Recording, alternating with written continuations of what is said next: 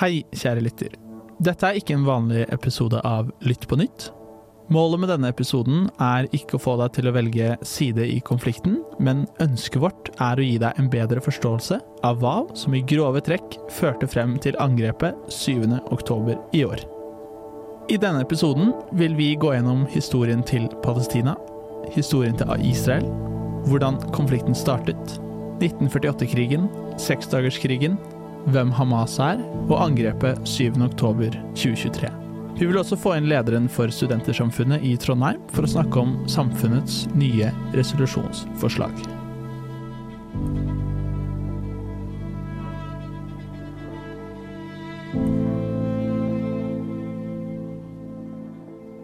Så hva er Palestina?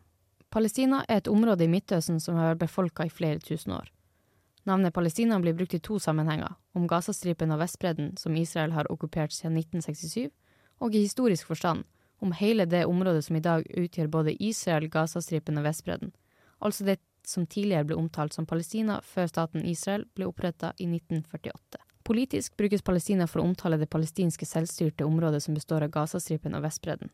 Gazastripen er et område som ligger ved Middelhavets kyst mot grensa til Egypt, og Vestbredden ligger mellom Israel og Jordan, og her finner vi blant annet den hellige byen Jerusalem, som var senter for jødiske samfunn frem til jødene ble kasta ut i år 70 etter Kristus.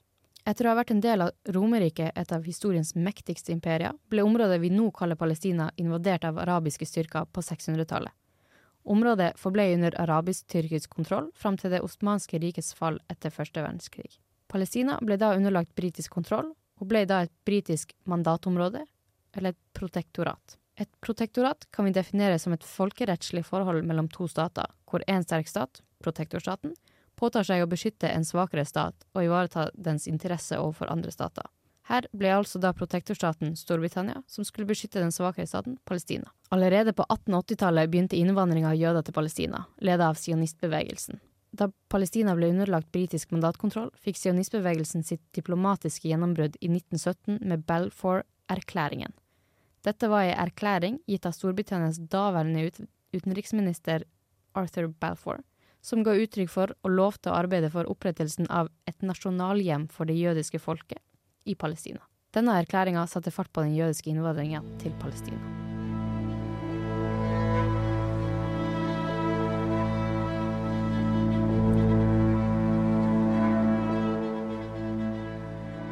Israel som stat ble opprettet i 1948, selv om ideen bak en egen stat for jøder vokste frem allerede på 1800-tallet. Bevegelsen for opprettelsen av en jødisk stat kalles sionistbevegelsen. Sionisme er en kulturpolitisk bevegelse som oppsto mot slutten av 1800-tallet. Dette oppsto som et svar på en fortsatt diskriminering av jøder og en økende antisemittisme i Europa. Diskrimineringen inneholdt antijødisk propaganda, religiøse fordommer og også raseteorier som oppsto innenfor det samme tidsrommet. Sionistbevegelsen hadde som mål å skape et nasjonalistisk hjem for jøder, og dette bygger på den jødiske folkets ønske og håp om å vende tilbake til sitt gamle hjemland i landet Israel, nærmere bestemt tempelhøyden og byen Jerusalem. Selve ideen om å vende tilbake til Jerusalem finner vi helt tilbake til det babylonske eksil i år mellom 1586 til 1538 før vår tidsregning. Denne ideen ble videre forsterket etter tempelets ødeleggelse i år 70 etter vår tidsregning, og romernes gradvis fordrivelse av jøder fra Judea. Judea er en gresk-latinsk betegnelse for det sentrale delen av Palestina, der vi finner Israel i dag. Judea ble opprinnelig avgrenset fra Dødehavet i øst til Samaria i nord. Den moderne sionismen som førte til nasjonsbygging i mange områder av Europa, også Norge, førte til at mange europeiske jøder begynte å betrakte seg selv som en nasjon med rett til eget land. I 1881-82 ble Sions venner opprettet i Russland, som støttet nye jødiske landbrukskolonier i Palestina, som den gang var en del av det osmanske riket. Det første landet ble kjøpt i 1905, og den første kibitzuen. Kibitzuen er et arbeidskollektiv hvor folk lever og jobber sammen. Utover 1900-tallet kom stadig nye bølger av jødiske innvandrere til Palestina, i all hovedsak fra Russland. Mellom 1882 og 1940 innvandret nærmere en halv million jøder til Palestina, som etter første verdenskrig på denne tiden var et britisk protektorat. Innvandringen skapte til dels voldelige konflikter mellom de nyankomne jødene og områdets arabiske befolkning. Etter nazistenes folkemord på jødene under andre verdenskrig ble verden enig om å gi jødene en egen stat. Dette ble gjort gjennom FNs delingsplan fra 1947. Den 14. mai 1948 ble Israel erklært opprettet, og det brøt umiddelbart ut krig med de arabiske nabostatene.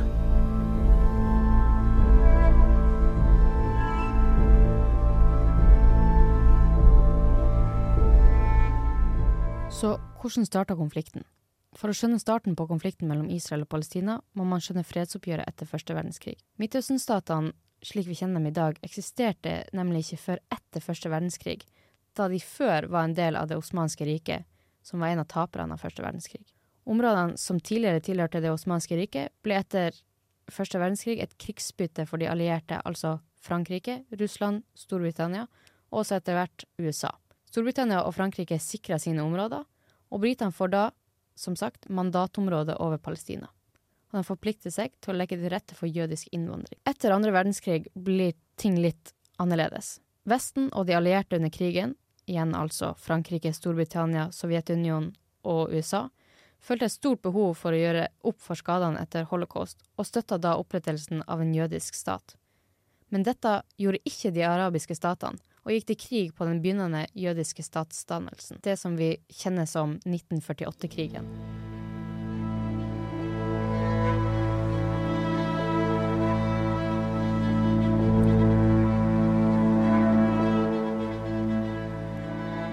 Etter andre verdenskrig ønska sionistbevegelsen å overta makta i Palestina, og samtidig da fjerne det britiske styret. Sionistbevegelsens paramilitære styrker inngikk samarbeid med sionistiske terrororganisasjoner som angrep britene i Palestina. Dette bidro til at Storbritannia trakk seg ut av Palestina, trakk seg som mandatmakt og overlot Palestina-problemet til FN.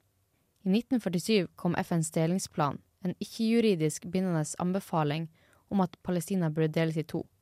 Jødene skulle bli tildelt 55% av jorda, og palestinerne skulle få 44 Denne planen ble godkjent av sionistene, mens palestinerne, som utgjør 70% av befolkninga, så på forslaget som urettferdig og avviste det. Lanseringa av FNs delingsplan ses på som den utløsende grunnen for 1948-krigen, en av de største og viktigste krigene i Palestina-konflikten. En krig som førte til begynnelsen på det palestinske flyktningproblemet, ødeleggelse av det palestinske samfunnet og opprettelsen av staten Israel. 1948-krigen deler vi inn i to faser, før og etter 14. mai 1948, da Israel erklærte seg som stat. Første fase var en krig mellom palestinere og de jødiske innflytterne. Andre fase, altså etter 14. mai 1948, var en krig mellom det som hadde da blitt staten Israel, og de arabiske nabolandene Egypt, Irak, Jordan, Libanon og Syria. Da krigen var slutt i januar i 1949, satt Israel igjen med et landområde som var 77% av det historiske Palestina. Altså mye mer enn FNs delingsplan originalt hadde foreslått, hele 22% større. Jordan og Egypt tok kontroll over resten av Palestina i løpet av krigen i 1948. Krigen hadde også ført til at rundt 500 palestinske landsbyer hadde blitt jevna med jorda, og rundt 750 000 palestinere hadde mista hjemmene sine. Store deler av den palestinske befolkninga ble fordrevet gjennom militære operasjoner, som mange historikere i dag omtaler som etnisk rensing. Det skal også nevnes at palestinere hadde lite å stille opp med under krigen, og det var ingen som kjempa med dem for en palestinsk stat. Nabolandene kjempa mot Israel, men av egne interesser. 1948-krigen er kjent blant palestinerne som al-Nakba, som på arabisk betyr katastrofen. Oppi alt dette er det viktig å poengtere at palestinerne aldri ble spurt eller tatt hensyn til når denne statsdannelsen begynte. Det ble vedtatt å opprette to stater, en jødisk og en palestinsk. Men som historieprofessor Hilde Henriksen Våge sa det, så døde den palestinske staten i fødselen. Israel og de omliggende nabolandene tok hver sin bit av det som skulle bli en palestinsk stat. Israel tok litt, og Jordan tok litt. Dette vedtaket om opprettelse av to stater i området la grunnlaget for den politikken bl.a. Norge har ført om en tostatsløsning.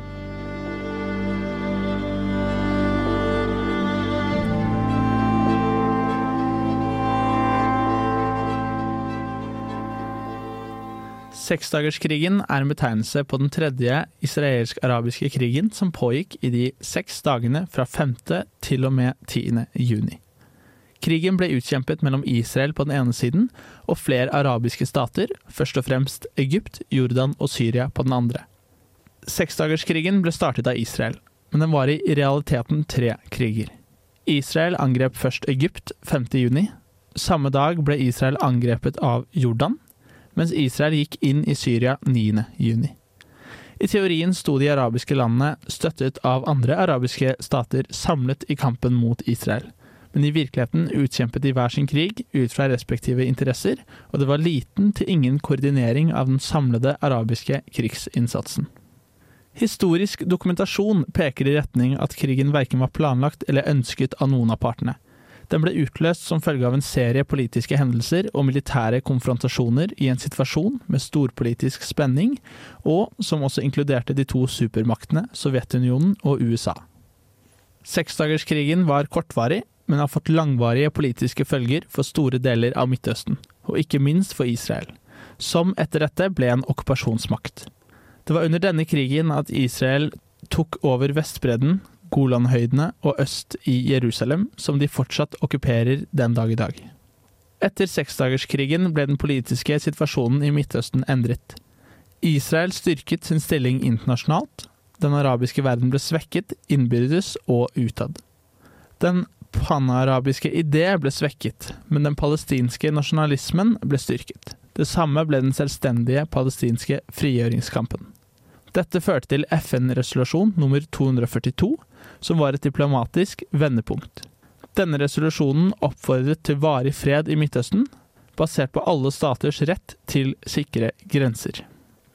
Derved anerkjente arabiske stater for første gang eksistensen til staten Israel. Resolusjon 242 er grunnlaget for senere fredsprosesser i Midtøsten, men den førte ikke til varig fred.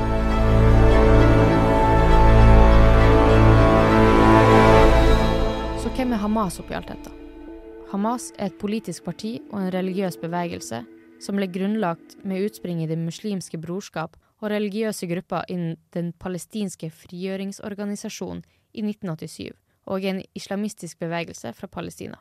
Hamas er aktiv i de palestinske selvstyreområdene og har styrt Gaza siden 2007. De er motstandere av staten Israel og har gjennom en årrekke stått bak væpnede angrep mot sivile og militære mål i landet. Disse angrepene har dels skjedd i form av terroraksjoner, bl.a. ved rakettangrep avfyrt fra Gaza retta mot mål i Israel. Hamas er betrakta som en terrororganisasjon av flere land, og som politisk parti utgjør Hamas en av de to største partiene, det andre er Fatah. I praksis så styrer Hamas på Gazastripen og Fatah på Vestbredden.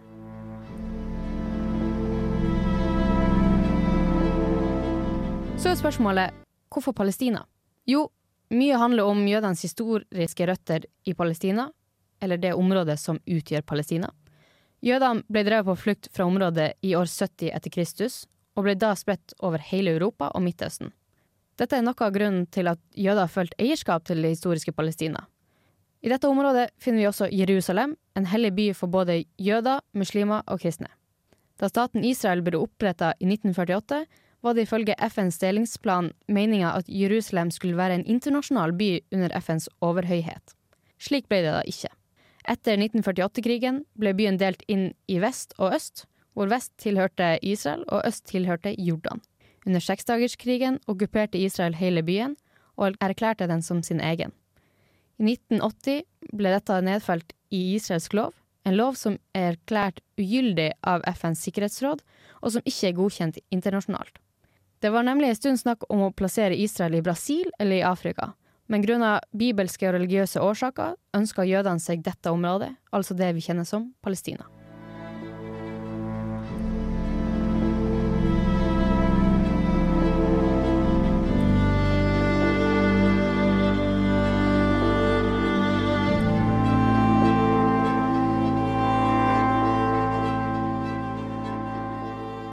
Morgenen den 7. oktober 2023 gikk Hamas til angrep på Israel.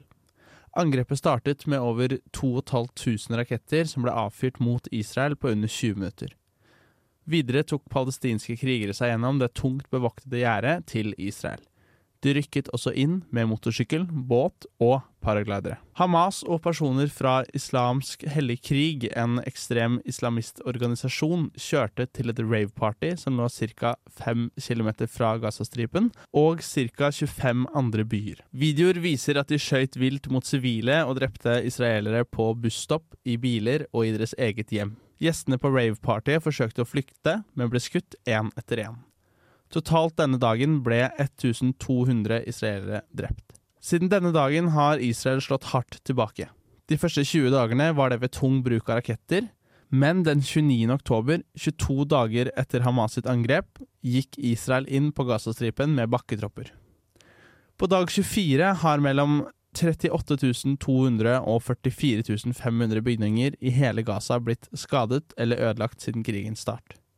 Den 8. november viser satellittbilder at ca. en tredjedel av alle bygningene i den nordlige Gaza har blitt skadet eller ødelagt. Den 8. november har israelske styrker rykket frem til Al-Shifa-sykehuset, hvor Israel hevder at Hamas opprettholder et kritisk kommandosenter. Etter dette begynner kampen om sykehuset. Gaza og legene ved sykehuset nekter for at det befinner seg et kommandosenter der, mens Israel er fast bestemt på å finne det. De siste satellittbildene fra tirsdag 28.11 viser at over halvparten av bygningene i den nordlige delen av Gaza er skadet eller ødelagt. Mellom 67 700 og 88 100 bygninger. Fredag den 24.11 ble det inngått en våpenhvile mellom Israel og Hamas. Denne våpenhvilen har blitt utvidet én gang, og det diskuteres om den skal utvides mer.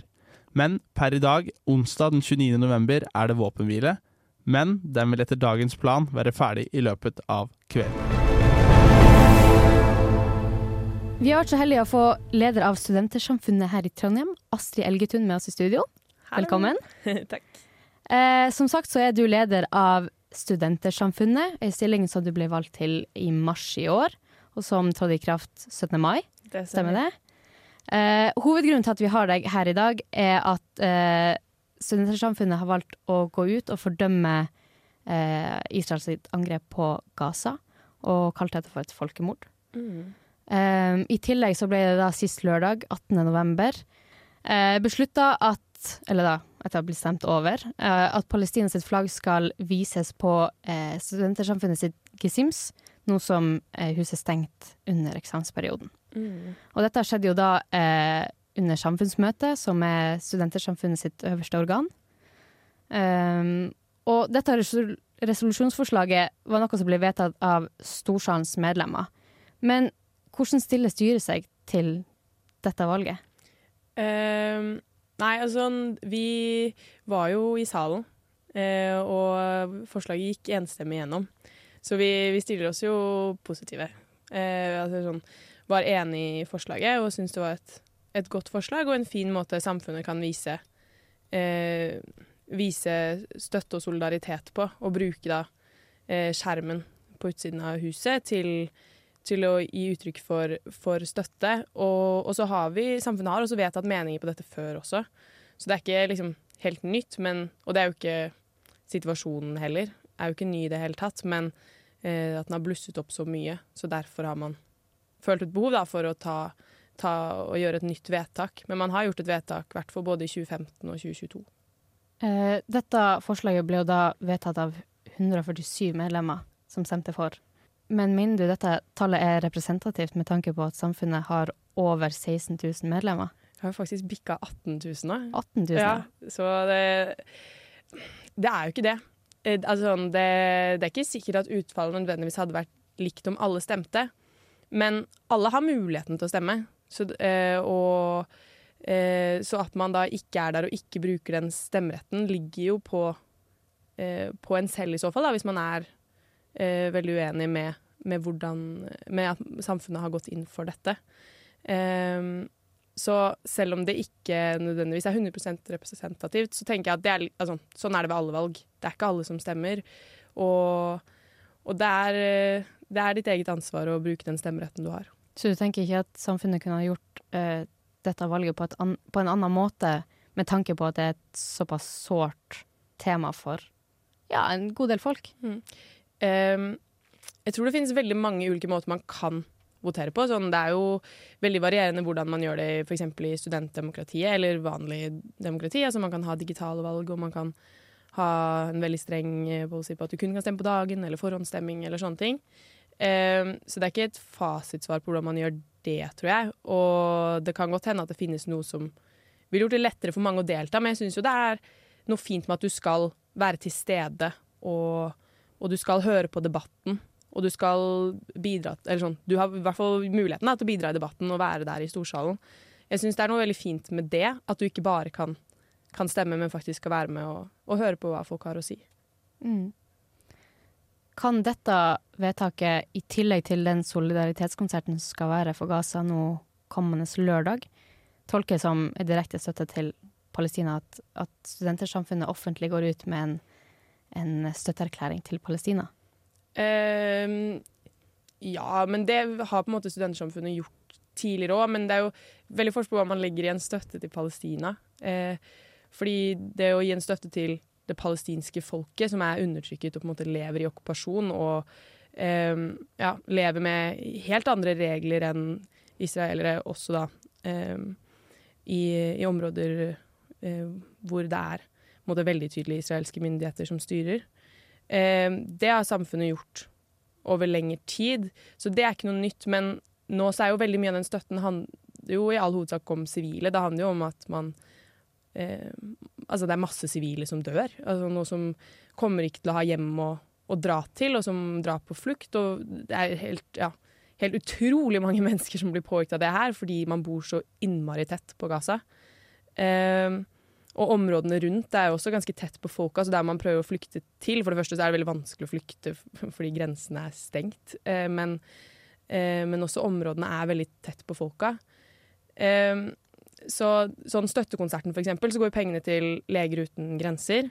Eh, og deres arbeid er jo humanitært, altså det er ikke noe politisk eh, arbeid eller noe støtte til, eh, til en politisk side.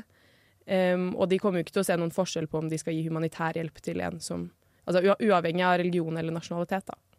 Men du kan ha forståelse for at mange oppfatter dette som Ja, altså man fordømmer jo Israel sine angrep. Så er, man sier jo at Israel er en okkupantmakt, og på en måte tydeliggjør de tingene der. Så det eh, Ja, man Det er veldig vanskelig å si at man skal ta en side, fordi jeg tror at for veldig mange av oss som har stemt over de tingene her, så er det ikke det er ikke så svart-hvitt at man kan si at det er det, er jo på ingen måte en fair fight. Det er ikke to land som kriger mot hverandre for øyeblikket. Eh, det er eh, ett land som angriper et annet land og en eh, sivilbefolkning. og så er jo Altså, det angrepet man ser nå, ble jo framprovosert av det som var altså, til en viss grad valgt myndighet av et område. Men det er ikke, det er ikke to Eh, likeverdige land som kriger mot hverandre. Eh, og ja, kriger og forsvarer litt sånn om hverandre. Så ja, det sier man jo tydelig i dette vedtaket og de tidligere vedtakene. Syns du som leder av samfunnet, og da også resten av styret, at det er ekstra viktig at studentesamfunnet på flere måter offentlig viser sin støtte til Palestina, både med tanke på at Trondheim er en av landets største studentbyer, og med tanke på at Norge ikke anerkjenner Palestina som stat? Eh, ja, eller jeg syns det, er altså, det, er fint at alle de stemmene som kan bidra til å si noe, sier noe. Og at dette har vært uh, en, en, situasjon som har opp, altså vært, in, uh, ja, vært stor interesse for, det, eller hva man skal si, men vært noe som har brydd veldig mange, uh, også da studenter og unge mennesker, over lang tid, og som noe som studentsamfunnet har vært opptatt av lenge tenker jeg jo er, er, både fint og viktig. Og det er både at man har eh, folk med palestinsk og for så vidt også eh, israelsk bakgrunn som, eh, som bor og studerer i Trondheim, og man har NTNU som har samarbeidet med eh, måte, ja, un, eh, læringsinstitusjoner i Midtøsten også. Og man eksempel ja, Et av de resolusjonsforslagene som samfunnet har vedtatt tidligere, har jo handlet om det at NTNU ikke skal utveksle eh, kunnskap eh, som på en måte gjør det lettere for, eh, for Israel. Eh, at vår kunnskap rundt olje og gass, f.eks., at det å gi den kunnskapen til noen som skal bruke den på områder de har okkupert, er ikke noe vi ønsker. Og med det så sier jeg takk til deg, Astrid. Tusen takk for at du ville komme. Takk selv. Siden den 7. oktober har ca. 12.078 palestinere dødd. 4506 av disse er barn, og over 1200 israelere.